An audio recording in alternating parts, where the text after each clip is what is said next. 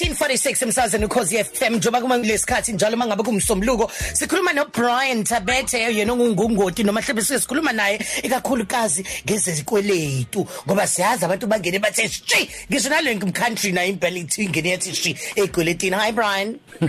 Hello Selvi. Khamba kahle sos. Ah khamba kahle kakhulu niyaphila bafowethu. Siyaphila mfowethu. Right. Ngithe ngeke ngize ngingishe ekutheni ngisho ukuthi ishow eungaphambili kumina le. Ul number 1 we show. Siyabonga Brian. Ah Brian Yes. Sabonga Yes. Ngiyabonga Selvi indlela ongenise ngayo. Eh bengibheka nje bafowethu ukuthi uyazi njengoba sibanjwe lolu khuvethe nje baningi abantu eh, ekunyuka iBP inyukiswa nje ukuthi akazi ukuthi uzokwenza njani makuphela inyanga esikweletini sendlu semoto njalo njalo uthola ukuthi abantu sebeyafona nje badinga ukwazi nje eh ukhuvethe ngapha i- inkinga ezahlukahlukene ekakhulukazi ezimalini yebo siya Brian ngesonto edlule waqala eh, sikhuluma ngeballoon payment mawuthenga imoto no- lokubizwa ngeresidual.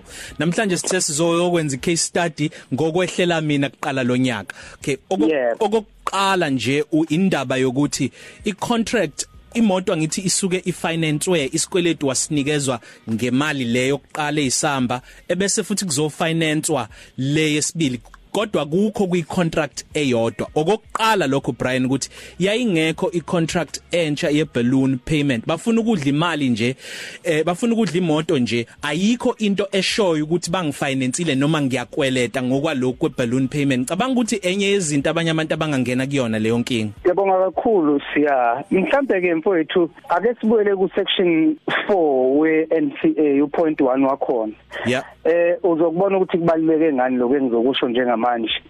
Uthi lo mthetho ababili abangena esikweletini lokhu bakwenza at arm's length. Usho ukuthi akukho ukuthandana kulabo bobabili. Okubolekayo uyazi kahle inhloso yakhe ayifunayo kuwena. Ufuna inzuzo ufuna iprofit kuwena. Obolekayo wazi kahle asiqonde ukuthi uyakwazi akwenzayo uma eyongena esikweletini. Mhlawumbe ufuna imoto noma ufuna indlu noma ufuna iloan nje yokuzijabulisa. Hlala ke ekwazini lapho ngoba siyanye ngithi uma ubudlelwane buzoba ngaphezulu kweminyaka ewu5 noma ewu6 ziphe noma isonto nje yokuthi ubheke. Lapha kwi balloon payment siya. Yeah ba ikhona kwi contract yakho ukuthi i percentage ethile ingxenye ethile ikhishiwe leyo ngxenye iyodingeka mhla uqeda ukukhokhela i-principal debt isikweletu esi- esikufinance sona njengamanje. Kodwa ngenxa yenjabulo nokuthi usuyalibona uphawu liyacwebezela lwenkanyezi lapha ya awusanakile. Bafowethu ngiyanxusa nodadewethu na- nalaba abawo salesman nabona lento ukuthi uvela uthi nje hayi masiye ibambe ngebhaluni. Ungamchazeli usiya ukuthi yini kwayona leyo. Hayi mfowethu yazini vele siyifake ku residual lento mfethu izo izophuthuma. Ungamchazeli ubungozi bayo ngoba usection 8.1 uthi nje uma umthengi engaziswanga ngobungozi lesikweletu angena kusona leso sikweletu sibizwa ngereckless lending. So la lapha yamfowethu kwi contract yakho yokuqala sihlale kuyona. I contract yakho yokuqala ina yonke imigomo nemibandela yayisikweletu ongena kusona. Futhi umuntu okweletelayo siya kumele in 90 days manje mase kufanele kuphele lesi sikweletu akuthumelele i-email ekwazisayo ukuthi sesiya ngasemajikeni wemhlongo.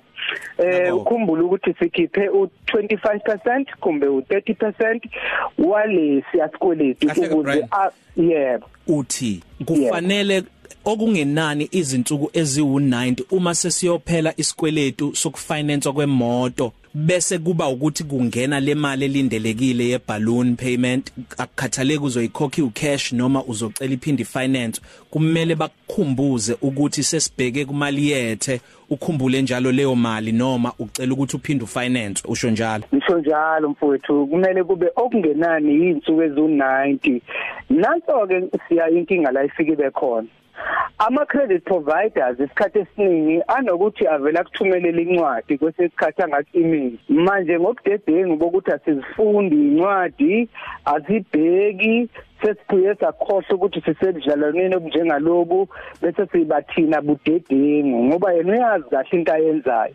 Uthola ukuthi awuyinaki leyo nto uyazi ukuthi ukuthumelela incwadi ngoba mancane amathuba ukuthi uzoyifunda. Nakhona kwi-email siya noma engayithumelanga incwadi ethumela i-email uthola ukuthi nje oh, okay eh nanga umuntu ongikweletela kune email angithumelela yona ungayishaya indiva ungayinaki. Maningi amathuba uhloseni njalo ngokuthi lento ngingayizwa ngingayitholi ocingeni yini la ihlosile umethi ufuna makungenzeka ngingayifundi le email okungenzeka incwadi?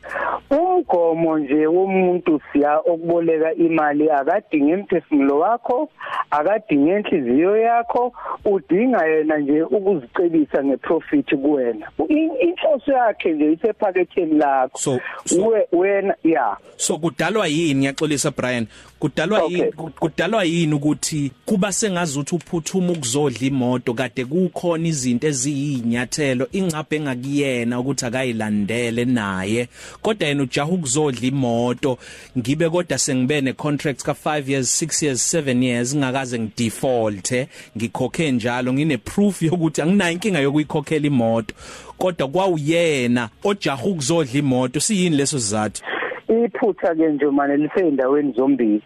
Nobabili eningena esikweletini niyalingana akekho omkhulu akekho omncane.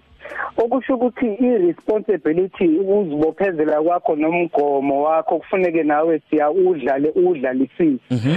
ungabheki ukuthi umuntu okweletela uzokudlalela yakho nansi siya inkinga enkulu engiyiqaphelayo ebantwini. Siye sithathe abantu abasikweletelayo njengabafowethu njengogogo bethu njengoma bethu ukuthi hayi uzongizwela hayi uzongibonela.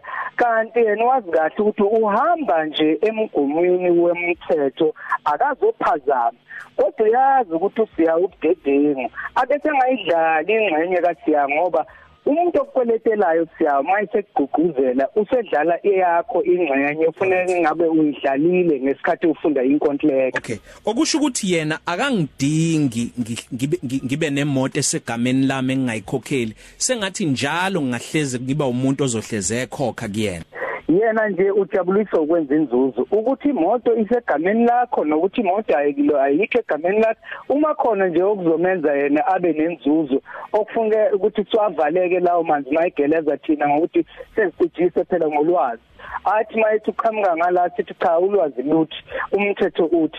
Ayikho ke indlela lapho. Njengokuthi nje siya lapha nje ukuthatha asivale Brian ya ngesibonelo sokugcina. Ya. Mawuthathe lesi silenkontileka nje funeka kwazisa ukuthi makwenzeka usuthi uya refinance igama lakho selilibi uyobhekana nokuthi impahla yakho idlile. Zonke lezi zinto izinto ekumele uzazi. Siya mhlawumbe nje ngemzuzu emincane esele angisho ukuthi awusekho asibuyele ngesonto elizayo asibuyele ngesonto elizayo singayijahi. Ayisekho imzuzu Brian ngiyaxolisa. Abakutholeke kodwa engicabanga ukuthi bayathinteka kulesi sihloko. Iyatholakala kwinamba yami ka WhatsApp ku 083 623 1391 ukuphendula yonke imibuzo esikweletu. So sisibonga kakhulu. Ubonga mina baba. Ilunch yakho ayifani neyizolo